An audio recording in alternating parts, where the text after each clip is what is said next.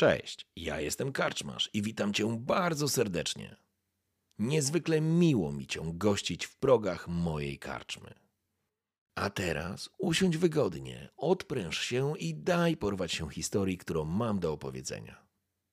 A jeśli spodoba Ci się to, co usłyszysz, zawsze możesz rozważyć wsparcie mnie za pomocą patronite.pl. Link znajdziesz w opisie. Życzę miłego słuchania. Oby nam się! Karczma pod ostatnim smokiem. Woil. Pojedyncze dźwięki lutni z trudem przebijały się przez zgiełk panujący w karczmie pod ostatnim smokiem. Sala była wypełniona po brzegi, a w powietrzu unosił się zapach jadła, piwa, tytoniu oraz potu. Bogatsza klientela zasiadała przy okrągłych stołach, które były odgrodzone od pozostałej części sali drewnianymi parkanami. Kupcy i rzemieślnicy grali w kości i karty, raz po raz wykrzykując na szczęście Awejre. Jednak patronka szulerów i hazardzistów rzadko kiedy spoglądała łaskawym okiem na pijaną klientelę.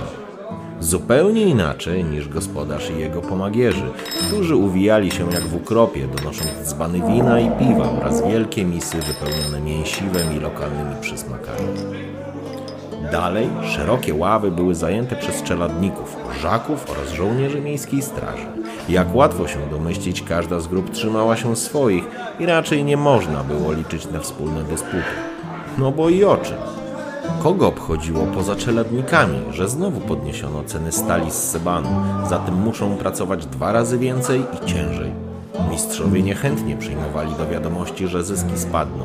Zatem skoro na kilka miedziaków pracowało się cały dzień, to po podwyżce trzeba było pracować dwa dni i nic ci do tego, że wyroby sprzedawane w cechu również podrożały.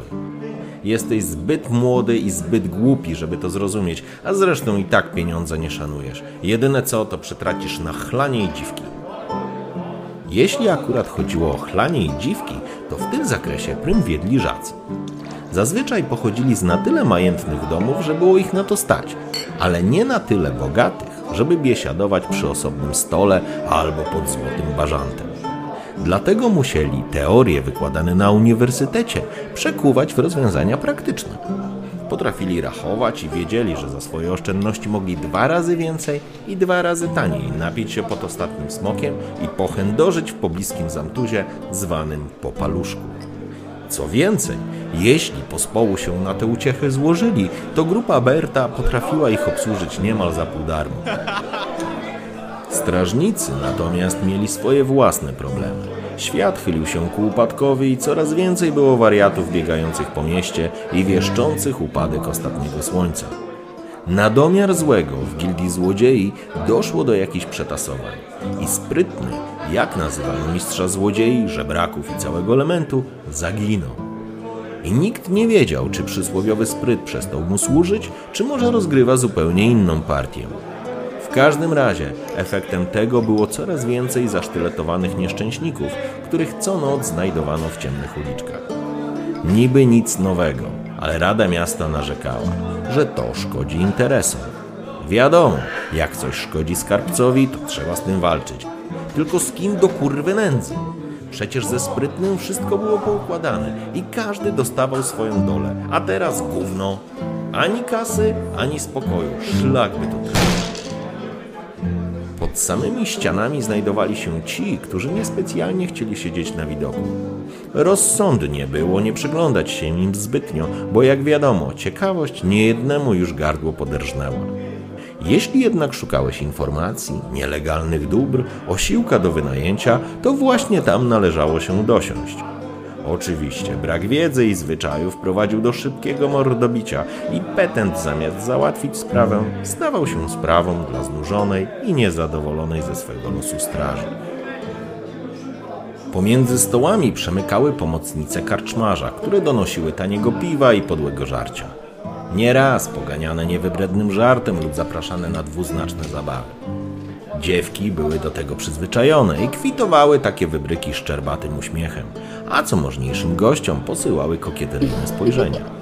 Przecież to żadna nowina, że drugą pensję można było zarobić na napiwkach.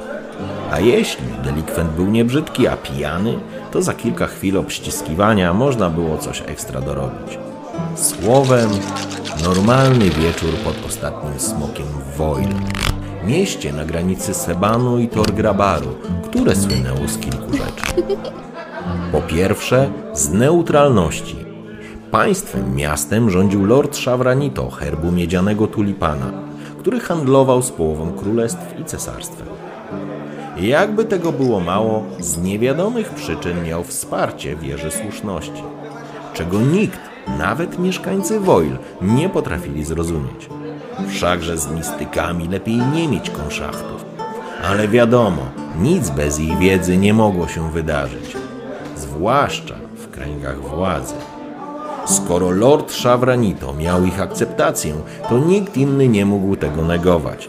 I to najprawdopodobniej było gwarancją neutralności i niezależności tego miasta. A czym handlowano? Woil słynęło z kuźni, które wyrabiały z sebańskiej stali rynsztunek dla wojska. Żeby była jasność, nie mówimy tu o wyjątkowej jakości orężu, ale o masowym wytwarzaniu, na które postawiło Woil. Korzystając z odkryć w dziedzinie metalurgii i organizacji produkcji opracowanej przez Uniwersytet Metalurgii i Geologii, miejscowe cechy wyprzedziły w efektywności swoją konkurencję na całej wyspie. Pod miastem wyrosły ogromne manufaktury, w których od świtu do zmierzchu kuto wojskowe wyposażenie. Karawany kupców i kwatermistrzów przybywały do Woil, aby zamówić lub odebrać ekwipunek dla swoich królestw. Złoto lało się szerokimi strumieniami, a to przyciągało innych, którzy marzyli, aby choć trochę uszczknąć z tego stołu obfitości. Jak wiadomo, nie każdy chciał ogrzać się w tym blasku w uczciwy sposób. Żeby uniknąć kłopotów, wprowadzono tulipanowe prawo. Słowem, Lord Szawranito i jego miedziane tulipany były ostatnią instancją we wszelkich sporach. I to bez względu na pochodzenie, stan posiadania czy przynależność klasową. Każdy był w teorii równy, a światły lord uznawał, że prawo będzie gwarantem spokoju i prosperity. I trzeba przyznać, w większości przypadków to zdawało egzamin, a publiczne egzekucje ludzi zamożnych i dobrze urodzonych obiegły świat jako przykład barbarzyństwa lub oświecenia. Wszystko zależało od tego, kto akurat opowiadał daną historię. Jednak nie wszystko szło tak doskonale, jak mogłoby się wydawać na pierwszy rzut oka. Od pewnego czasu, z nieznanego powodu, zmniejszono wielkość importu stali z Sebanu. Co za tym idzie, ceny poszły w górę, pojawiły się przestoje w wytwarzaniu, a to wpłynęło na możliwości produkcyjne cechów. Pierwszy raz zaczęto odsyłać klientów z kwitkiem, a nieprzerwany strumień złota zaczął się drastycznie kurczyć. Nagle składy i magazyny zaczęły być celem grabieży, a skrytobójcy przebierali w zleceniach na konkurentów w branży płatnerskiej, transportowej i kupieckiej. Ulice i targi przestały być bezpieczne, a kantory największych kupców przypominać twierdze najeżone strażnikami i zabezpieczeniami.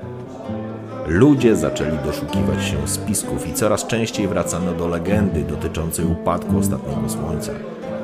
To stanowiło idealne podłoże dla wszelkiej maści kapłanów, kaznodziei oraz zwykłych wariatów, którzy zdobywali coraz większy posłuch pośród najbiedniejszych mieszkańców Woi. Miedziane tulipany nie traciły czasu na długie spory. Prawo było egzekwowane od ręki. Wystarczył cień podejrzeń. Tym bardziej, że Lord Szawranito powołał do życia prawo przeciwdziałające zamętowi i nadał specjalne uprawnienia swoim ludziom. Ci mogli decydować o konfiskacie majątku z karą śmierci włącznie, w każdym przypadku, gdy podejrzewano zdrady stanu. Zupełnie jak gdyby nad miastem zawisł zły blask zapomnianego księżyca.